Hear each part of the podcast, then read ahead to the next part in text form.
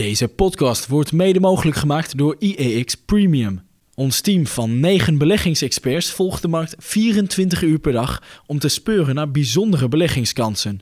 Voor nog geen twee tientjes per maand bent u abonnee en ontvangt u niet alleen digitaal alle analyses en tips, maar ook een tweewekelijks beleggingsblad. Dames en heren, van harte welkom op deze prachtige IEX-dag, IEX Beleggersdag. Welkom bij de IEX Beleggerspodcast. Wij maken deze nu ongeveer anderhalf jaar. Daar zijn we gewoon spontaan begonnen, gewoon met de telefoon op tafel en maar leuteren. En het is voor het eerst dat we het live doen met publiek. En dat, uh, dat vinden wij Ja, heel erg hebben we zin in. Ja. We nodigen u echt van harte uit. Echt op alles wat wij zeggen, reageert u op alles. Neem voor niks voor granted aan wat wij zeggen of vragen, opmerkingen. U kunt er alle tijden inbreken. Steek wel even uw vinger op. Dat is wel zo netjes, krijgt u de microfoon. Wij hopen er echt op, want wij zijn ook maar twee eenvoudige retailbeleggers. Wij zitten net als u in de markt om voor een pensioen te beleggen of waar u maar zit. En eh, in feite zitten we gewoon in hetzelfde schuitje. En toevallig zitten wij op een grote beursite. Dat is eigenlijk het enige verschil. Oké, ik begin eh, de podcast altijd met een eh, ronkende quote. Die ergens meestal van een centrale bankvoorzitter of wat dan ook. Ik heb deze week niet zo goed opgelet. Heb jij misschien een leuke, Niels? Een quote van een? Ja, van, een, van, van Powell of zo. Of van een CEO. Je bent niks tegengekomen. Nou, nou ja, ik, ik heb gisteren vol toevallig contact gehad met de CEO van eh Axis, de houtveredelaar. En die zei, er, wij zien geen enkel signaal van een recessie. Nul. Al dus acties. En dat is een zeer cyclisch bedrijf. Dus eh, Ja, wie wel wat daar, daarover te zeggen had. Misschien hebt u dat vanochtend gezien. Ik kan me herinneren dat we, was het niet 2019, begonnen we het jaar met een omzetwaarschuwing van eh, Apple. We gingen hard onderuit en het bleek de bodem. Vanochtend was er, ik was te laat om naar deze beleggersdag te, te gaan. Ik moest eerst mijn morning call maken. En ik zag nog net een waarschuwing van niemand minder dan TSMC voorbij komen. U weet wel, die Taiwanese chipgigant. En die gaan een outlook-verlaging afgeven. Dus we stonden al min 20 of zoiets in, het, eh, in H1. En, eh, we beginnen Ja, gewoon, vro- we we gaan gewoon beginnen vrolijk heel verder. vrolijk met de H2. Even, even vraag je tussendoor. Wie, wie van u staat er in de plus dit jaar? En dan met de... U staat in de plus, meneer. Wat is uw geheim? De microfoon. eh, want anders bent u slecht op. Als je even wacht, de microfoon. eh. Ja. ik kan het ook zo doen hoor. Nee, voor- dan wordt het niet op. We willen het wel in de uitzending. Anders horen de mensen thuis niet.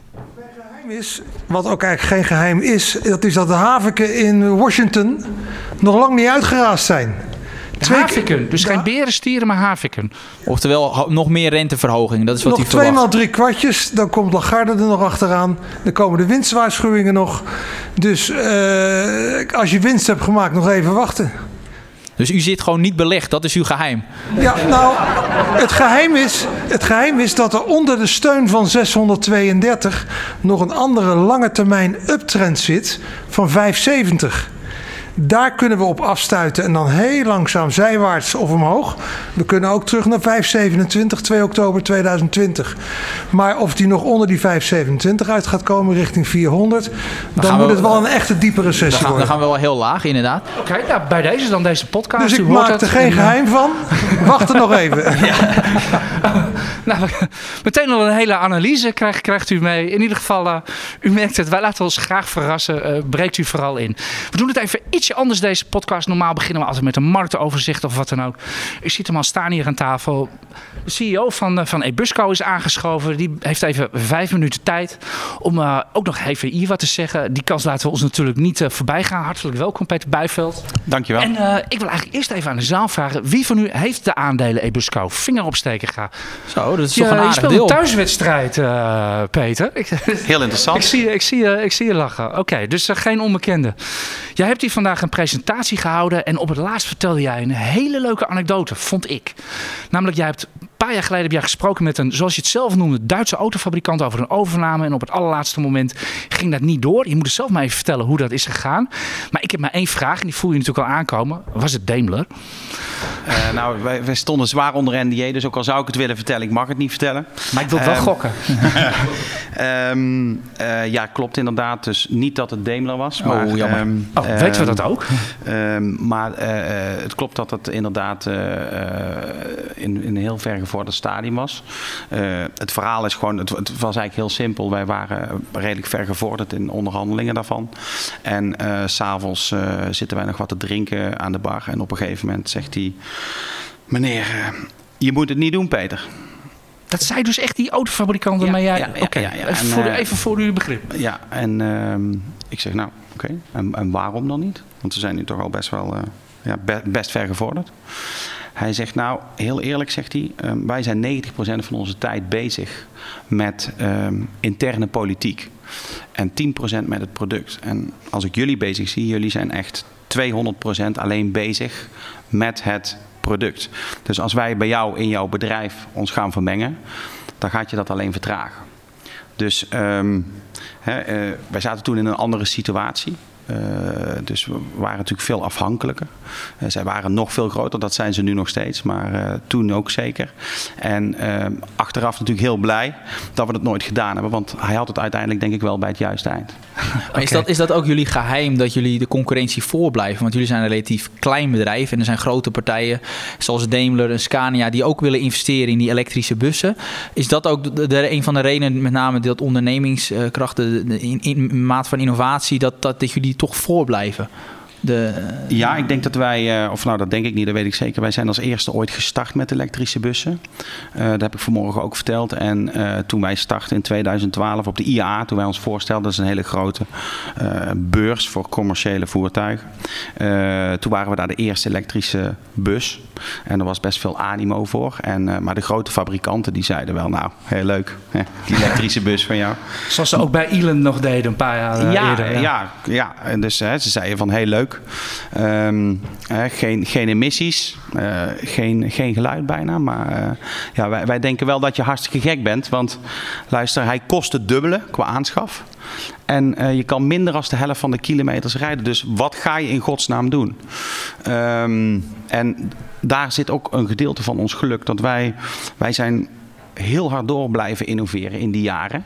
En hebben daardoor een bepaalde voorsprong op kunnen bouwen. Want we hebben onze eerste klanten, eh, die kwamen vanuit eh, Finland en Noorwegen, de Scandinavische landen. Die liepen iets voor, als ik dat zeggen mag, op de rest van Europa. Die hadden iets meer waarde eh, bij, bij, bij een goede leefomgeving, bij, bij, bij geen emissies, betere luchtkwaliteit. Dus daar zijn we feitelijk gestart. Maar toen kregen we steeds meer aanvragen van andere steden.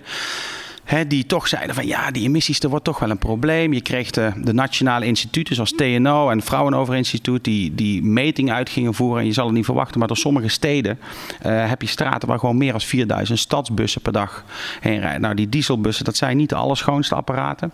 Dus die, die emissies zaten veel te hoog. Dus wij kregen daar steeds meer navraag naar. Maar het, het voordeel was dat ja, ze letterlijk ons een beetje voor gek verklaarden. En eh, daardoor gewoon op hun bestaande techniek bleven. Dus, Ja, hoe, hè, hoe, zie jij, hoe zie jij jezelf trouwens? Hoe zie jij Ebusco? Zie je als technologiebedrijf als engineeringbedrijf die gewoon bussen maakt? Ehm, ik denk dat het, dat het beide heel dicht bij elkaar ligt. Dus een derde van onze FTE's is eh, engineering en R&D. En eh, ik denk wel dat wij echt een ontwikkelbedrijf zijn. Eh, de enige reden dat, of nou de enige, de belangrijkste reden dat wij denk ik bestaan is dat wij denk ik een juiste visie hebben gehad in een vroeg stadium. Hè? Ehm, en dat we, die, dat we daar ook nooit van afgeweken hebben. En dat we daar ook heel hard aan door blijven zijn innoveren. En dat we daardoor een bepaalde voorsprong hebben. Want hè, steden als München of Parijs die kwamen niet de bus kopen omdat wij zo'n groot bedrijf waren. Want dat waren we niet. Of dat we zo'n aardige mensen waren. Die kochten hem puur en alleen op de spec. Op wat die elektrische bus op dat moment in de tijd al kon. En daar liepen we in vooruit. En we zijn door blijven innoveren. Hè, dat hebben we van de Ebusco 1.0 naar de 2.0 gedaan. Dat hebben we van de, E- van de 2.0 ook weer naar de 3.0 doorgezet. En dat doen we iedere dag nog. Dus ik denk dat dat wel... Hè, het is ook een van onze Ja, ja. drie Kun, kun pilaren. jij je bussen trouwens eh, eh, sowieso niet heel makkelijk, gewoon makkelijk verkopen? Dat is natuurlijk het, het ESG klimaatverhaal. En je praat ook niet met particuliere bedrijven. Je praat met overheidsinstellingen. En die, eh, die hebben altijd geld. En die onderhandelen misschien wat minder scherp in mijn vooroordelen. Ik zie je lachen. Nou, die hebben Europese tenders, dus daar, daar hoef je inderdaad niet te onderhandelen. Maar als je te duur inschrijft, dan, eh, dan, eh, dan heb je hem niet. Dus eh, dat is een ander spectrum. Ja, wat, wat ook natuurlijk is, wat je ziet bij veel groeibedrijven, is dat ze nog, nu nog geen winst maken. Bij jullie zijn de marges al best wel, wel aardig. Wat is jullie geheim erin dat jullie dat wel winstgevend kunnen? Ik denk dat wij ehm, in vergelijking met onze concurrentie, wij hebben niet uh, de manager van de manager van de manager van de manager. Wij zijn een hele platte organisatie. Uh, ik ben dan misschien CEO, maar iedereen is gewoon bij ons gelijk en iedereen moet doen waar hij goed in is. En we hebben hele directe lijnen. Dus um, ook wij worden groter, maar wij proberen wel heel efficiënt te blijven. Dus nogmaals, niet de manager van de manager, maar gewoon een hele platte organisatie. En iedereen moet gewoon goed zijn best doen om de dingen te doen waar we goed in zijn. Oké, hartstikke bedankt. Uh, Peter, tot slot. Ik had je gezegd, we trakteren we jou. Ja, uh, ik zie jou protesteren. Ja, ik zie hem Want onze analist Martin ja. Krum zit in de zaal en die volgt Ebusco. Martin, ben je er? Want jij kan misschien nog even mooi wat vertellen. Kom even bij de microfoon als je wil. Oh, ja, hij krijgt al de microfoon bij zich. Ja. Martin is van de koersdoelen en de harde analyses. Wat is jouw oordeel over Ebusco, uh, Martin? Spreek, je kunt het nu rechtstreeks zijn, tot de CEO zeggen. Wij zijn als beleggersdesk redelijk gecharmeerd van uh, Ebusco. Dat heeft onder andere inderdaad te maken met het feit dat het een, uh, geen flauwekulbedrijf is. Uh, de, de bussen hebben daadwerkelijk ook nog een voorsprong op. Wat noem jij flauwekulbedrijven?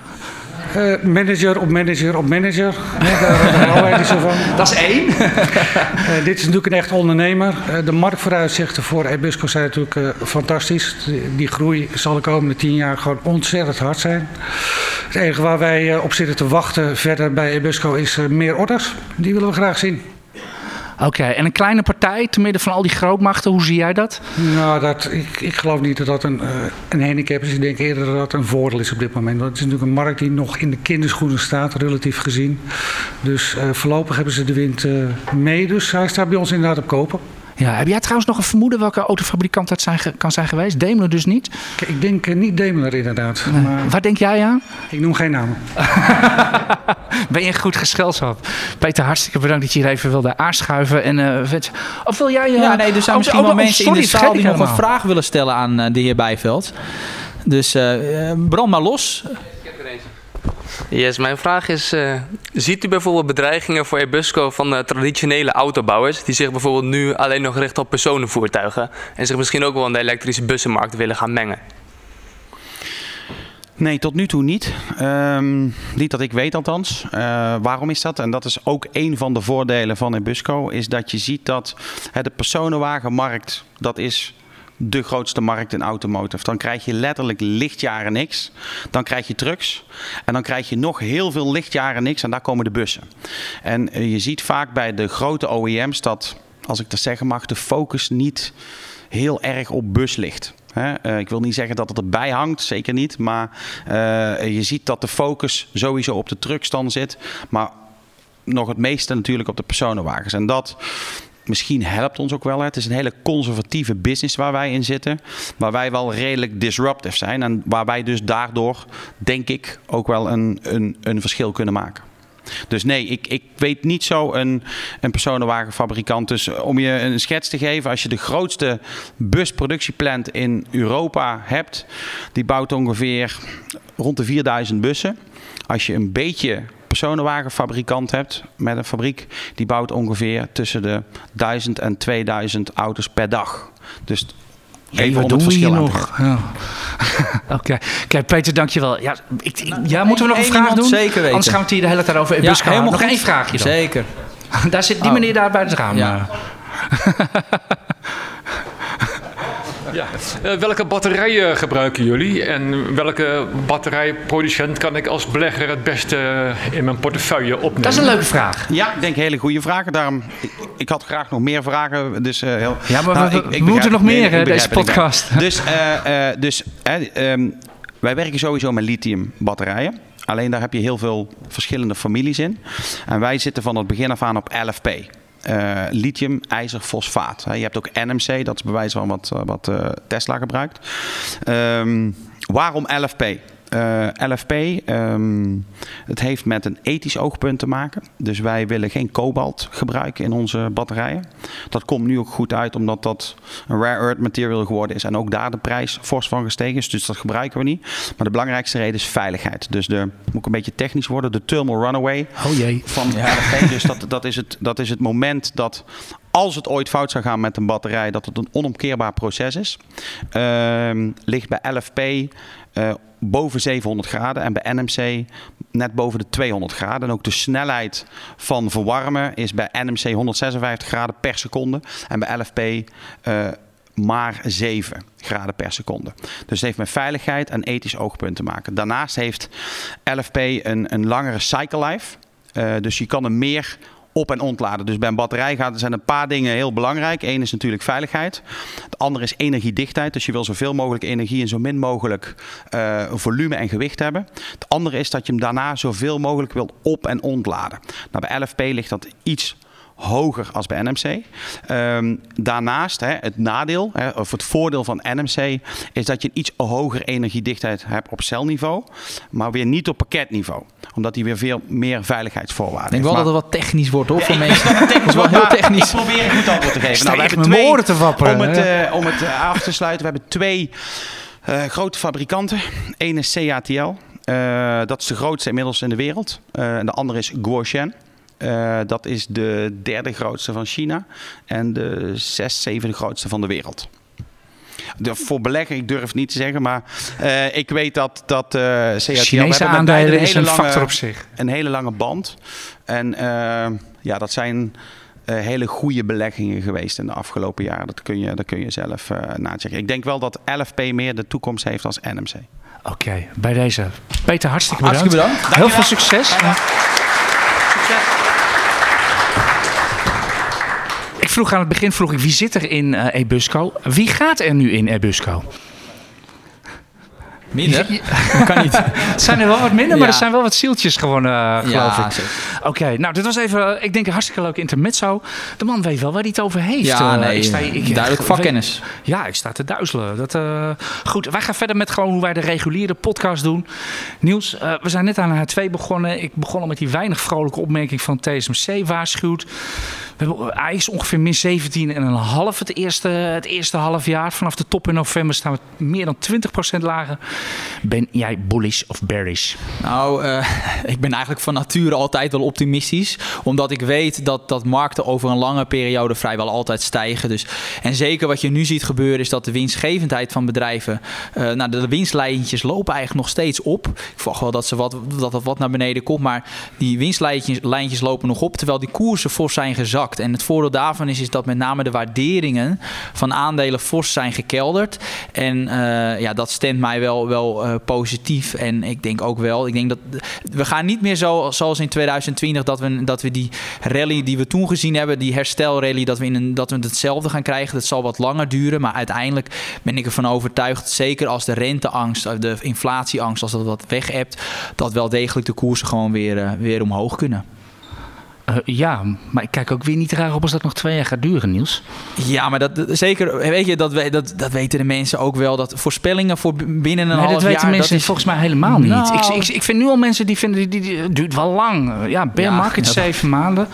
Toen ik ooit ja. twintig jaar geleden naar de beurs ging, dat was in, was in 2000, ook precies op een hoogtepunt. Toen ging ik op de beurs werken. Drie jaar lang alleen maar dalende koersen. In dit tempo ook, van H1. Dus de hele tijd twee stappen achteruit, eentje vooruit. Dan denk je van, nou, zoals vorige week vrijdag ook, lekker omhoog. Denk je, nu hebben we het gehad. En dan Toch zakt het toch weer in elkaar. En zo ging dat drie jaar lang. Ik ben eeuwig dankbaar dat ik in die markt naar de beurs ben gekomen. Niet een boelmarkt zoals nu. Want ik weet voor altijd wat risico is. Dat is bij mij er gewoon ingeramd.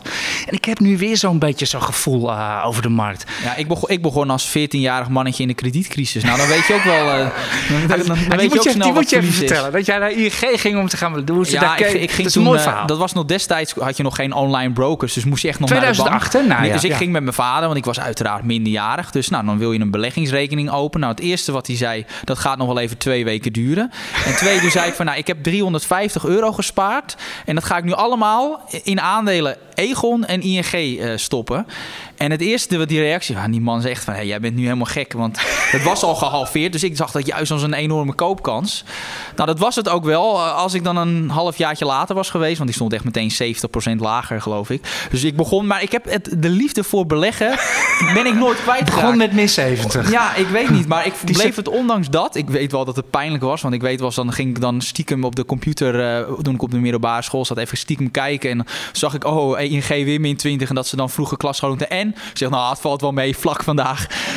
Weet je, zo ging dat echt. Ik vind, Dus, het, eh, vind het wel een mooie luidspreuk van jou. De liefde voor beleggen begint met min 70. ja, nou ja, goed. Dat, zo, ja, zo ik, ik heb het echt ja, op die manier geleerd. Zou Charlie Dus, Munger eh, kunnen zijn. Die heeft, ja. ook, die heeft ook zoiets geroepen. Oké, eh, jij, bent op, jij bent gewoon optimistisch over. Ik uiteindelijk in de, in de long run ook wel. Maar ik, ik, ik zie een eh, recessie, de energie, geopolitiek die eh, alles in de, in de war gooit. eh. ik kijk niet raar op. Zeker na al die euforiejaren die, we, die er zijn geweest. Dat we gewoon wel eens even een paar jaar sobere jaren hebben. Voor mij is dat overigens geen enkele reden om ook maar één aandeel te verkopen. Ik blijf ze gewoon vrolijk iedere maand doorkopen. Moeten we nog een full disclosure afgeven, Niels? Nee, nou, Ik zit long vooral wereldaandelen. En ik heb heel veel aandelen, maar dan zijn we alweer 10 minuten verder als ik dat heb opgenoemd. Dus laten we dat maar niet doen. Nee, twee aandelen. We zijn heel benieuwd eh, met wat voor aandelen u graag wil dat wij iets over vertellen. Of dat we misschien nog even een analist of wat dan ook. Wat voor vraag u ook maar hebt. Of een andere assets. U mag ons ook zelfs over crypto vragen. Wij draaien ons nergens onze hand voor om. Maar het zijn twee aandelen die deze week ook weer het nieuws eh, hebben. Die, waar we het zeker even over moeten hebben. Ja, ik moet het weer gaan vragen. Wie van jullie zit er allemaal nog in Just Eat Takeaway? Lieve help. Dat is, dat is eigenlijk net iets te veel. Hier hadden wij niet op gerekend. Je zit al meteen topoverleg met. eh, eh, ja, laten Dus ongeveer een derde van dus, de eh, zaal. Dus had geen grappen. niet. Nieuws, mensen, Nee. de mensen eh, liggen. Even serieus. Ligt u daar wakker van? Wie ligt er wie ligt echt wakker van? Wie durft het te bekennen? Gelukkig dat niet. niemand. U ligt er niet. Dat scheelt. Ja. Ja, we, hebben wel, scheelt. we hebben wel mails binnengekregen van mensen die dat wel degelijk eh, hebben. En ook vragen voor de podcast. Mensen die echt ja, toch wakker van liggen. Die dus in die populaire aandelen zijn gestapt in ja, afgelopen jaar. En die dan gewoon min 50, min 60 procent om de oren hebben. Ja, en dan zien ze dus ook dat die aandelen ook omlaag kunnen. En, Ja. eh, ja. Maar goed, Just Eat Takeaway deze week was de, ja, de trigger voor weer een eh, afvakkeling van hier tot Tokio. Was wat onhandige uitspraken van de Grubhub CEO. Zeg maar oneerbiedig gezegd een onderknuppel van eh Jitse Groen. Ik had niet het idee, de man sprak met Wall Street Journal ook nog. Ik had niet het idee dat hij dat met CEO Jitse Groen had eh, kort gesloten. Want Niels, wat heeft, hij, wat heeft die Ja, man gezegd? Hij zei dat dat geen topprioriteit was, de verkoop van, eh van Grubhub. Dat dat eerder ligt bij een, bij een samenwerking. Maar ik denk dat was is dat een- niet in tegenspraak met wat, Ja, wat ja. Just Eat Takeaway formeel heeft gecommuniceerd? Die, ja, die had juist gezegd van ja, we willen er eigenlijk vanaf. En wat natuurlijk nog meer speelt, op diezelfde dag kwam ook nog eens een keer Berenberg met een verschrikkelijk eh, analistenrapport die gewoon eh, dat, die dat hele bedrijf zo'n beetje afvakkelde. Ja, en als je dan die twee dingen samen krijgt, ja, dan krijg je dus min 20% eventjes. Ja, dat is dus- wel fors ja. hoor. Er staat nu, de, Just Eat Takeaway is op dit moment, ik weet niet wat de koers vandaag doet. Kan iemand een koers roepen wat het vandaag doet? Oké. eh, Is dat omhoog? dat weet ik tegenwoordig niet meer. Het gaat alle kanten op. dat is wel heel bullish. Ja. Oh, het staat 15 zie ik zelfs. Min, min 0,3 procent. Nou, dat is vlak dat, hè? dat Ja. voelt als een stijging. Ja, Ja, dit- ja. toch? Ja, ja, ja. Ik bedoel, na min 20 deze week denk je, wow, nou, dat- dat- dat- zo Ja. komen we er wel. Nou, even serieus. Just Eat Takeaway is nu nog 3 miljard waard op de, op de beurs. Ik kan zo op een bierviltje eh, 3 miljard eh, intekenen bij Just Eat Takeaway. Niels, jij als fundamenteel analist, eh, ik, ik eh, verschuil me ik- graag even achter jou eh, Sowieso het waarderen van dit bedrijf is bijzonder lastig, omdat het dus nog niet winstgevend is. En dat Jij maakt... net een hele presentatie gegeven van hoe je groeiaandelen beoordeelt. Brandlos. Dus je kijkt met name naar de sterkte van de balans, die is dan nog wel in orde. En die groeivooruitzichten, ja, ze moeten wat met name Just Eat Takeaway voor elkaar moet krijgen, is die groei vertalen in stijgende winstgevendheid. Op het moment dat dat niet gebeurt, zal die waardering ook laag blijven. En ja, het bedrijf moet het, moet, moet het echt gewoon waarmaken. Het geldt ook wel voor de hele sector, wat natuurlijk helemaal aan puin is gegaan. Want ik geloof, de waarde van, van Just Eat Takeaway is nu ongeveer net zoveel als dat er een half jaar geleden voordat iFoods werd, eh, werd geboden. Dus eh, Ja, dat krijgen ze nu ook niet meer nee, voor, denk nee, ik. dat weet ik wel Eh, zeker. Nee, nee, je ziet het sowieso als je in een grote stad woont met al die flitsbezorgers, flink gorilla's. Eh, in Amsterdam kan je echt niet meer normaal fietsen. Je wordt Nee. echt van je sokken gereden. Ja, die hebben, beginnen nu ook heel erg moeite met de financiering te krijgen, ontslagen, et cetera. Dus misschien wordt het weer fietsbaar op de fietspaden. maar goed. We hebben hier een zaal vol mensen die nog met Just Eat Takeaway eh, in hun maag zitten, zou ik bijna zeggen. Eh, wat, wat, wat, wat moeten mensen aangaan, eh, Niels? Ehm, nou, sowieso zie ik nu geen aanleiding om nu in paniek te verkopen. Ja, het, is, het is misschien voor veel mensen wat een speculatie werd. Het is een gedwongen lange termijn belegging geworden. Dat zou wel Ja. eens kunnen. Ja, ja, dat, dat- dat- ja, dat klinkt heel cynisch. En eh, maar een collega van ons ook hoor, die, die zegt het ook. Ja, ik zit gevangen. Dus eh, ook veel hoger ingestapt, veel hogere koers. Want dat is de ellende bij Just Eat Takeaway, op welke koers, hè, we komen van natuurlijk ruim 100, op welke koers je het ook maar uitrekent, er was iedere keer was er gewoon een goed verhaal bij te verzinnen, waardoor die waardering op het bord stond. En toen werd het oktober 2020 en sindsdien zit Just Eat Takeaway in een bear market. Ja. Het is echt... eh, Nog een Ja, aandeel dat ja. in een bear market zit. Philips, denk ik. ja, gaan we gaan meteen door naar Philips. Zijn er nog vragen over Just Eat Takeaway misschien? Of, eh, ja, dat toch, die meneer daar op die rij. Ja, daar komt de microfoon al aan hoor meneer. Ja. Wacht gewoon rustig.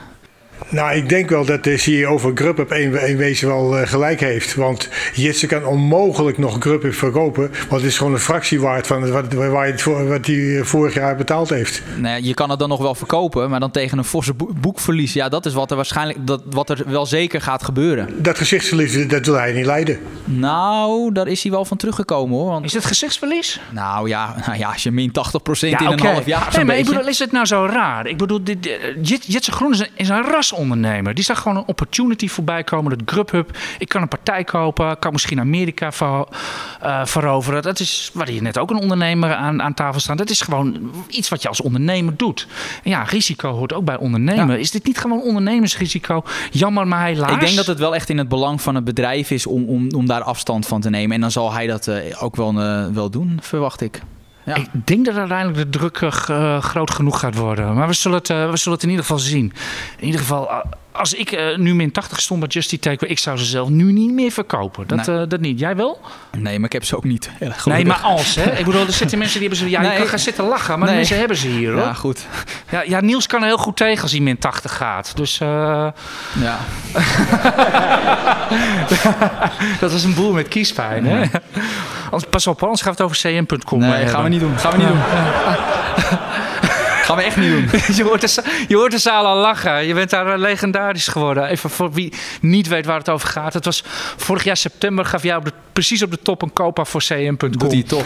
En, het- en het forum is nog iedere dag met jou bezig te fileren daarvoor zo eh, ongeveer. Ja, ik krijg altijd een melding als er iets in het forum wordt gezegd met mijn naam erin. Dan krijg ik daar een melding van in mijn mailbox. Nou, De als hele als, dag gaat het als door, cm.com in 8% staat, dan krijg ik iedere 10 minuten krijg ik een melding. Maar in ieder geval eh, ook even. u ziet misschien ook Fastnet op 25 staan. En het was ook Niels die ergens op 70, 80 of zoiets. gaf jij een strong cell. ja, maar die, die was 25. ook echt heel makkelijk, want dat bedrijf maakte een omzet van 4 miljoen en was 2 miljard waard. Ja, dan- maar er, stond wel, je er, stond, er heeft wel heel veel op het bord gestaan, eh, ondanks die fundamentele sommen. Wie is, daar, wie is daar de afgelopen jaren niet mee de mist in gegaan? Hè, die meme-aandelen, vorig jaar GameStop, eh, AMC, dat soort Ja, AMC aandelen. Entertainment. Dat, dat je totaal niks meer kon maken van de fundamentals die er waren en de, en de koersen Ja, die er op het zijn er mensen in de zaal die ook in BlackBerry, GameStop, dat soort fondsen ooit hebben, zijn ingestapt? Oh, je hebt het Ik zie, geprobeerd? één, ik zie één vingertje om, oh, dat valt. Dat zijn verstandige mensen hier. Echt. U hebt Ja, wel oh, verdiend. wel. Ja, dat kan. Ja. U was er op tijd uit. Of, eh, hoeveel minuten hebt u erin gezeten? Nou, ja, niet. ja, lach erom. Dat ging af en toe echt, echt plus 100% in een minuut of zo. Dat was, Ze laag, laag ingekocht en dan hoog. Ja, laag nee. kopen, hoog verkopen. Die Dat- gaan we dat onthouden. willen we die gaan, allemaal, hè? Die gaan wij onthouden, Niels. Ja. Die komt misschien nog wel eens van pas op de beurs. Oké, we gaan terug naar de... We Ja, gaan, Philips, ja. ja, een ander, ja, mag ik zeggen, rampaandeel.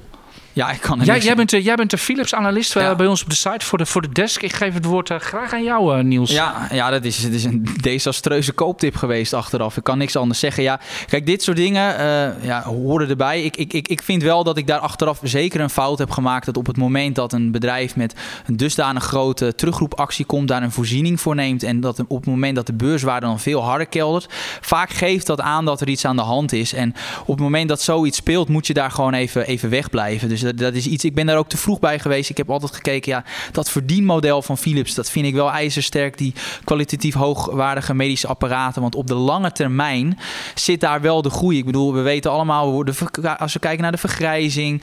ehm, eh, daardoor eh, er is ook technologisch steeds meer mogelijk. Dus we zien ook dat het deel wat, wat overheden uitgeeft ten aanzien van de zorg, dat neemt gestaag toe. Dus ik zie die kansen daar. Alleen, ja, ja. dit heb ik, heb ik gewoon verkeerd ingeschat. Ja, oké. Onder meneer CEO van van meneer, meneer Van Houten Ja. is die draai van Philips. Hè. We kennen Philips natuurlijk van alles wat een stekker had zo ongeveer. Echt naar medische apparatuur eh, gegaan. Nou, is prima beleggingspropositie. Eh, dan denk je dat je een heel mooi waardeaandeel hebt met hoge, hoge marges.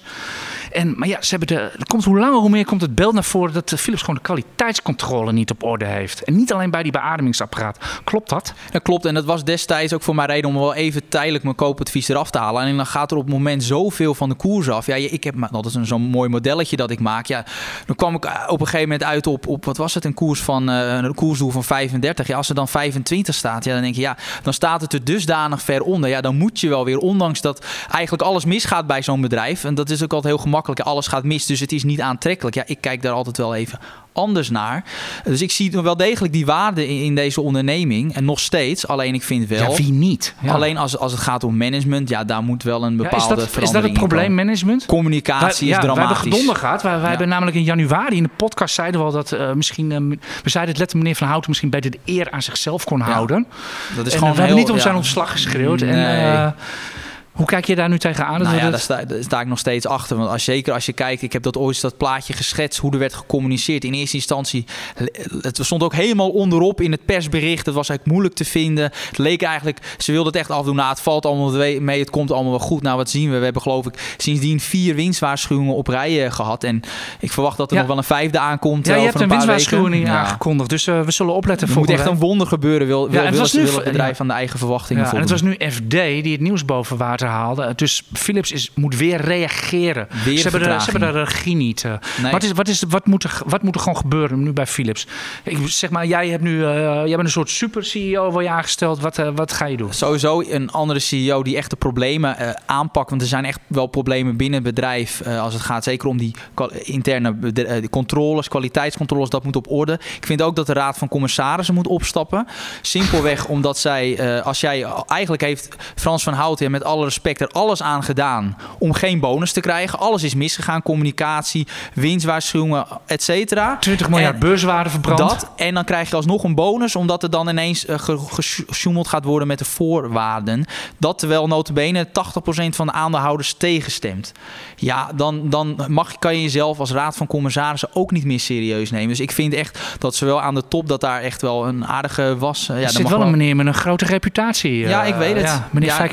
Ja, ik snap ook helemaal niet dat hij daarachter staat. Dus uh, ja, daar moet echt wel het nodige gebeuren. Maar desondanks zie ik nog steeds die waarde. En ondanks dat management, uh, doordat het management, bepaalde management, wat ik, ja, waar ik het dat? vertrouwen in heb verloren, ondanks dat, dat ik zie, zie ik dit aandeel nog wel als, als, als een koopwaardig. Uh, maar ja, wel met veel mitsen en maren. Kan niks moet anders je, van Moet maken. je niet zo lang dit soort en er iedere keer weer nieuwe feiten komen, gewoon maar even wegblijven? Nou ja, dat vind ik te makkelijk. Omdat ja, je kijkt ook wel naar de waarde van een onderneming. Ik, ook ik kijk naar kaststromen, naar de schuldposities hè, de, van een bedrijf. En als dat gewoon in principe gewoon keurig uitziet. Niet zozeer op, op, op dit jaar, want ze hebben natuurlijk ook last van die uh, problemen in de ja, toeleveringsketen. het fenomeen Amerikaanse schadeadvocaten ja? Ik heb 3 miljard ingerekend. Dat heb ik gewoon al nu al van de waarde afgehaald. Er is nog niks, is maar 3 natuurlijk miljard heb ik al van de waarde van de onderneming afgehaald. Ja, want waarom zeg ik dat? Er gaan natuurlijk ongetwijfeld claims komen in Amerika.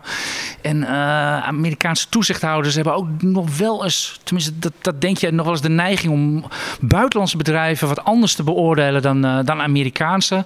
En uh, ja, het grote probleem bij Philips is, ga maar eventueel die, die schade van die claims in, in, in schatten. Nieuws komt op 3 miljard uit. Ik zag ook analisten volgens mij die rekening houden met 10 miljard.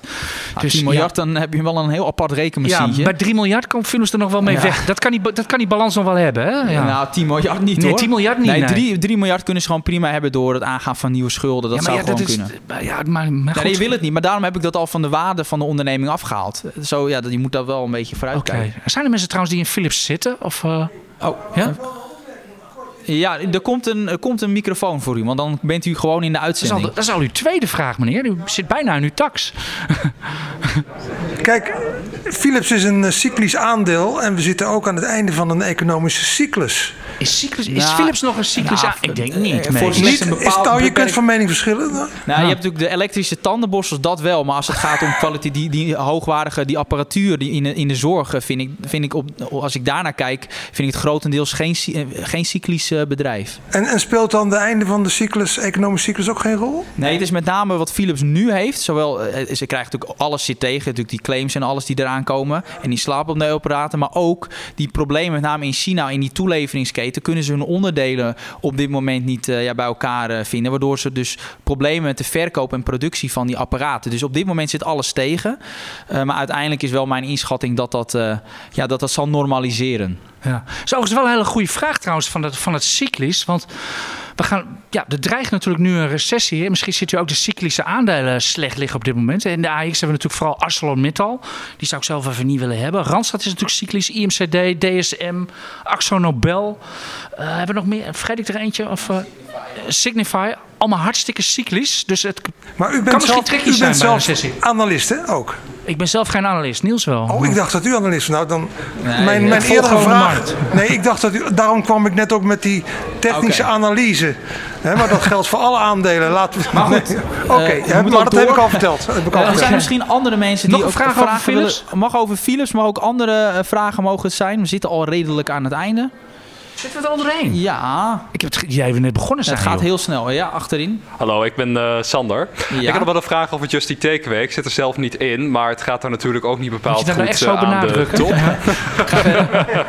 Ja, ik maak het nog even extra pijnlijk. Ehm, maar er is ook geen beschermingsconstructie bij Justy Takeaway. Dus hoe schatten jullie de kans in dat eh Jetse Groen misschien nooit uit zijn eigen bedrijf gedonderd wordt door Eh, aandeelhouders? nou, hij kan weggestemd worden. Dat kan. Dat is niet gebeurd. Er was nog wel, geloof ik, hoeveel vertrouwen? Er was wel redelijk veel vertrouwen op papier nog in hem. Ja, ik, ik, ben de percent, ik ben de Ja. percentages vergeten. Maar op, hij op, kan weggestemd Ja, worden. dat, dat is, niet dat als aandeelhouder, maar wel als be- Ja, bestuursvoorzitter. dat is natuurlijk een legendarisch voorbeeld van ooit werd Steve Jobs uit zijn eigen Apple geschopt. Dus om een paar jaar later weer terug te komen. Dus, het- dus het kan inderdaad. Ja. Nog meer Dus, eh, vragen? Weet je wat je te doen staat op de volgende aandeelhouders? Oh nee, je hebt de aandelen niet. Nee. Zijn vragen. er- los. Ja. Of misschien over een ander aandeel, want we zitten Mag- toch al met, eh, we mag- zitten toch u al mag met het... vragen wat u wil. Ja, Ja. Ik- ja, eh, Jeroen. Ehm, ja, ik had nog een vraag over KPN. Ik weet dat het eh, niet in jullie fanclub zit. Nee. Maar ik was net bij Royce uh, Tostrams. En eh, daar, daar wel. Eh, Ja. Kun je eens eh, vertellen waarom dat zo is? Nou, dat komt omdat eh Royce Tostrams een hele andere methodiek gebruikt dan dat wij doen. Ik analyseer met name aan- aandelen op basis van fundamentele analyse. Dus ik kijk echt naar fundamentals van een aandeel, bed- bedrijfswinsten, cashflows, balans, et cetera. En Royce Tostrams kijkt met name naar trends in een aandeel. Dus zit in een opwaartse trend en dan heb je bepaalde steun- en weerstandniveaus. En daar kijkt hij naar. Dus het is een andere methodiek en daardoor kunnen ook de, de koersdoelen en de adviezen kunnen verschillen met dat van ons. ja Rostostrams heeft bij wijze van nog nooit een jaarverslag ingekeken. Dus, eh, Maar dat hoeft, ook niet met, naar- dat hoeft ook niet met zijn methodiek. Dus vandaar zit dat verschil in. Ja, het, het kan heel goed zijn dat een technisch analist een, een, een koop afgeeft voor KPN. En, eh, omdat hij ja, de, de trend zal wijzen, de indicatoren, wat ze er allemaal maar bijslepen. En inderdaad de, de, gewone fundamentele analist op basis van cijfers eh, juist een verkoop afgeeft. Dat, kan- dat kan prima naast elkaar bestaan. Dat is, dat is niet raar of onlogisch. Het is maar net hoe je naar een aandeel kijkt. Meer En, vragen? ja, en we weten uiteindelijk, eh, de heilige graal is er niet bij aandelen. Het komt altijd aan op kunde. En, ja, de- de eerste reden.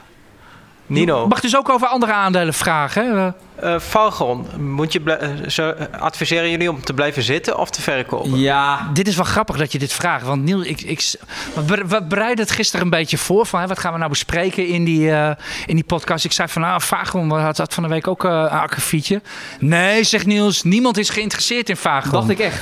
Dus bij wel. deze krijg je hem om de oren. Ja, nee, eh ja, vakronde, zeker dat nieuws van de FDE waar ik voor vrees, is dat er waarschijnlijk nog wel wat achteraan komt. En dat heb je dus ook gezien met Philips. En eh, ook dat is een signaal dat ze waarschijnlijk hun, eh, ja, toch hun interne eh, ja, in, in bedrijfsvoering, dat, ze toch, dat daar iets mis mee is. Daar maak ik me zorgen over. En sowieso ehm, vind ik ook de vrije kaststroom van Vagon, nou ja, kan wel wat beter. Dus ik, ik, je kan ze wel aanhouden, maar ik ben niet meer laaiend enthousiast. Ik ben achteraf waarschijnlijk net iets te enthousiast geweest over, over dat bedrijf. Oké, hey Niels, we hebben het net over Philips. En nu Vagon die het aan de stok heeft met de Amerikaanse toezichthouder. Wordt dit een Philips? Wat, wat is er Dat precies aan de hand ik, dat, vind ik, dat vind ik te ver gaan. Eh, dus met name, ja, het is een medicijnbereider. En de, de FDA zegt in feite dat er risico is op kruisbestuiving. Nou, dat wil je absoluut niet. Want dan kunnen mensen gewoon bepaalde ziektes oplopen. En ja, daarvoor kan... Hoe bedoel je kruisbestuiving? Zit gewoon een beetje in de keuken, ja, alles een beetje... nee, maar dat ligt wel bij medicijn. Dat moet ook heel steriel Ja. zijn. Eh dan wil je absoluut niet dat daar bacteriën tussen komen. Dus ja, dat, is, zijn- dat was echt wel een... Ik heb die brief ingezien van de FDA. Dat, dat loog er niet om. Dus ik ben daardoor wel echt voorzichtiger geworden over, eh over Vagon. Oké, bij deze. Zijn er nog meer vragen?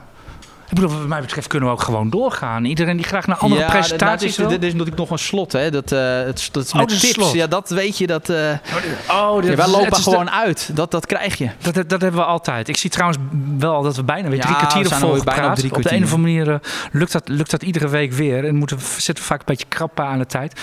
Zijn er echt nog hele prangende vragen? Echt, dit is uw kans. Nog Ja, die één in het midden daar. van de zaal. Ja, ik ben wel benieuwd over welk je? aandeel... Henk. Henk, hoi. Over welk aandeel jullie nu het meest enthousiast zijn. Van alles wat je volgt. Ja, eh, ik kan daar vrij helder over zijn. Ik vind echt, ja, je moet altijd kijken naar risico versus rendement. En dan vind ik Deutsche Telekom is echt mijn, eh, mijn favoriet. Eén, het is een, een vrij lage waardering. En twee, die kaststromen zijn echt eh, ijzersterk. En ook de groeivooruitzichten voor dit bedrijf zijn, eh, zijn gewoon goed. Eh, en ik zie daar nog echt wel eh, zeer veel opwaarts potentieel. En met name dus, het opwaarts potentieel is hoog. Maar daar staat tegenover dat naar mijn mening ook de, het neerwaarts risico zeer beperkt is. Dus zeker ten tijde van eh, ho- hoge inflatie is dit een, eh, een heel mooi bedrijf om in portefeuille te hebben. En wat mij betreft ook echt een hoeksteen in iedere portefeuille. En dat geldt dus niet voor KPN. Zo, dat is, dat is duidelijk. Want die scoort echt op alles slechter dan Deutsche Telekom. Even verder, eh, wat, wat is het koersdoel eh, wat jij voor Deutsche Telekom Ja? Deutsche Telekom eh, 1,22 euro op, op, op nou, binnen een jaar moet echt wel mogelijk zijn als we kijken naar de, de fundamentals van dit moment. Natuurlijk ben je wel fundamentals, Ben je, dat is wel, niet- maar je bent ja. afhankelijk van het beurssentiment. Ik bedoel, kijk op het moment dat de koersen min 20, alhoewel dit jaar is, is wel omhoog gegaan in Deutsche Telekom. Maar over het algemeen, ja, als, als, als de koersen keihard kelderen, zal zo'n Deutsche Telekom natuurlijk ook wel wat zakken. Maar eh, ja, ik zie daar eh, echt wel eh, ruimte 1, 22 euro op korte tot middellange termijn zit er zeker in. Ja. Oké, nog even om die meneer eh, die vroeg naar Ja.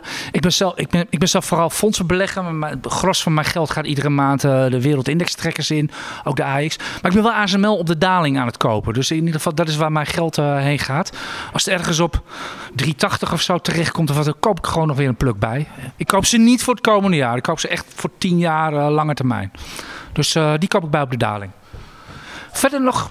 Oh, er is nog één iemand hier. Ja. Nog, nog eentje, helemaal achter in de zaal. ja. Hoi, ik ben Jim. Ik had nog een vraag, eh, iets anders dan over aandelen. Maar waarom bestaat er in Amerika de nabeurshandel? Want als je dan soms ziet, eh, zoals een Snapchat of Facebook, die gaan min 30 procent. En eigenlijk heb je dan als retailbelegger geen kans meer om te reageren, want dan sta je al op min 30 Ja, procent. maar dat, die, dat hebben die professionals ook niet hoor. Want die min 30 komt dan als het nieuws al naar buiten is. Dus ehm, die voorinformatie, ja, misschien zijn er enkele partijen die er heel snel op inspeelt. Maar over het algemeen in nabeurshandel, ik zou daar niks mee doen. Uh, nee, je kan, er wel, je, kan, je kan wel handelen als particuliere nabeurshandel, maar dat kan natuurlijk niet met je standaard uh, de Giro-account of wat dan ook. Dan kom je wel bij Interactive Ja, Brokers de, of de, zo de uit. enige die u daarbij alleen mee maakt dat u handelt in de nabeurshandel bent niet zelf, dat is uw broker. Want die verdient daar extra geld aan.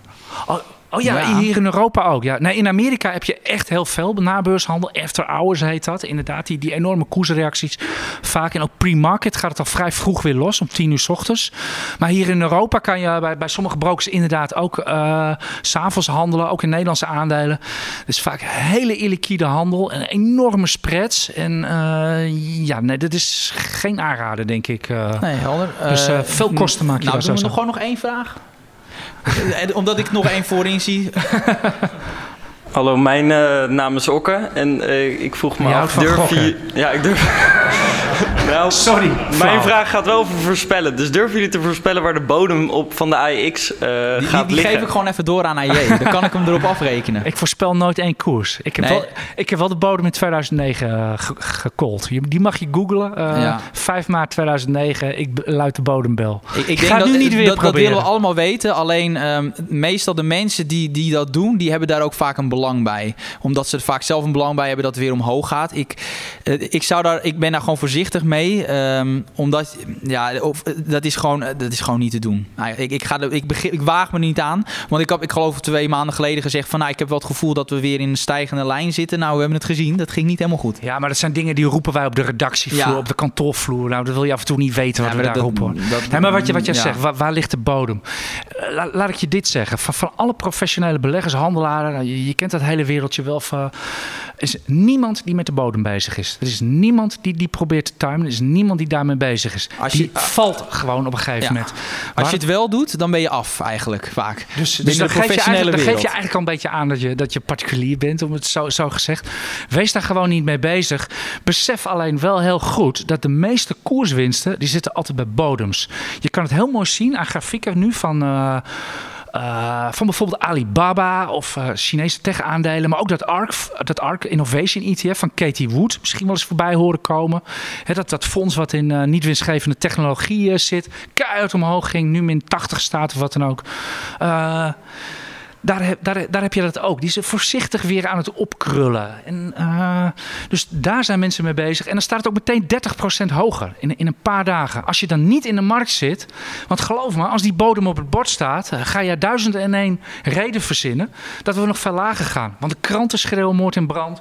De analisten Dat is verlagen meestal een hun positief signaal. Als, als de En, Telegraaf eh, gaat, gaat roepen, dan, dan zitten we wel ja, goed. maar dan op, het, op Ja. dat moment denk je zelf ook heel negatief. Ik bedoel, ik, ik, ik vertel je net dat ik... eh, Het was puur toeval dat ik de bodem callde in 2009. Barack Obama, die was toen net president, die deed het ook.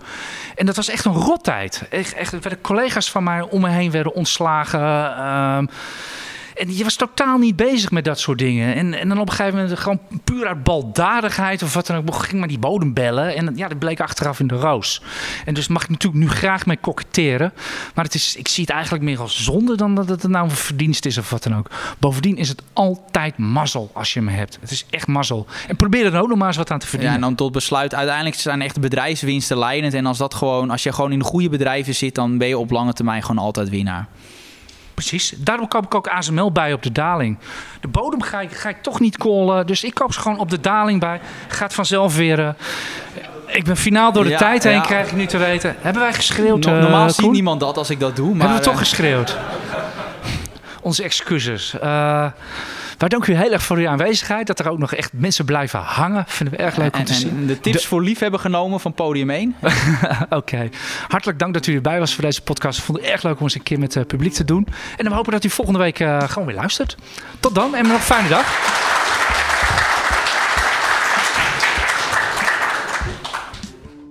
Nog even een reminder. Wilt u de analyses en kooptips van Niels Koerts en de acht andere beleggingsexperts ontvangen? Dat kan. Voor nog geen twee tientjes per maand bent u abonnee en blijft u digitaal constant op de hoogte van de nieuwste analyses en tips. Daarnaast valt er elke twee weken een gloednieuwe editie van het IEX magazine op uw deurmat. Meer weten? Ga naar iex.nl/podcast.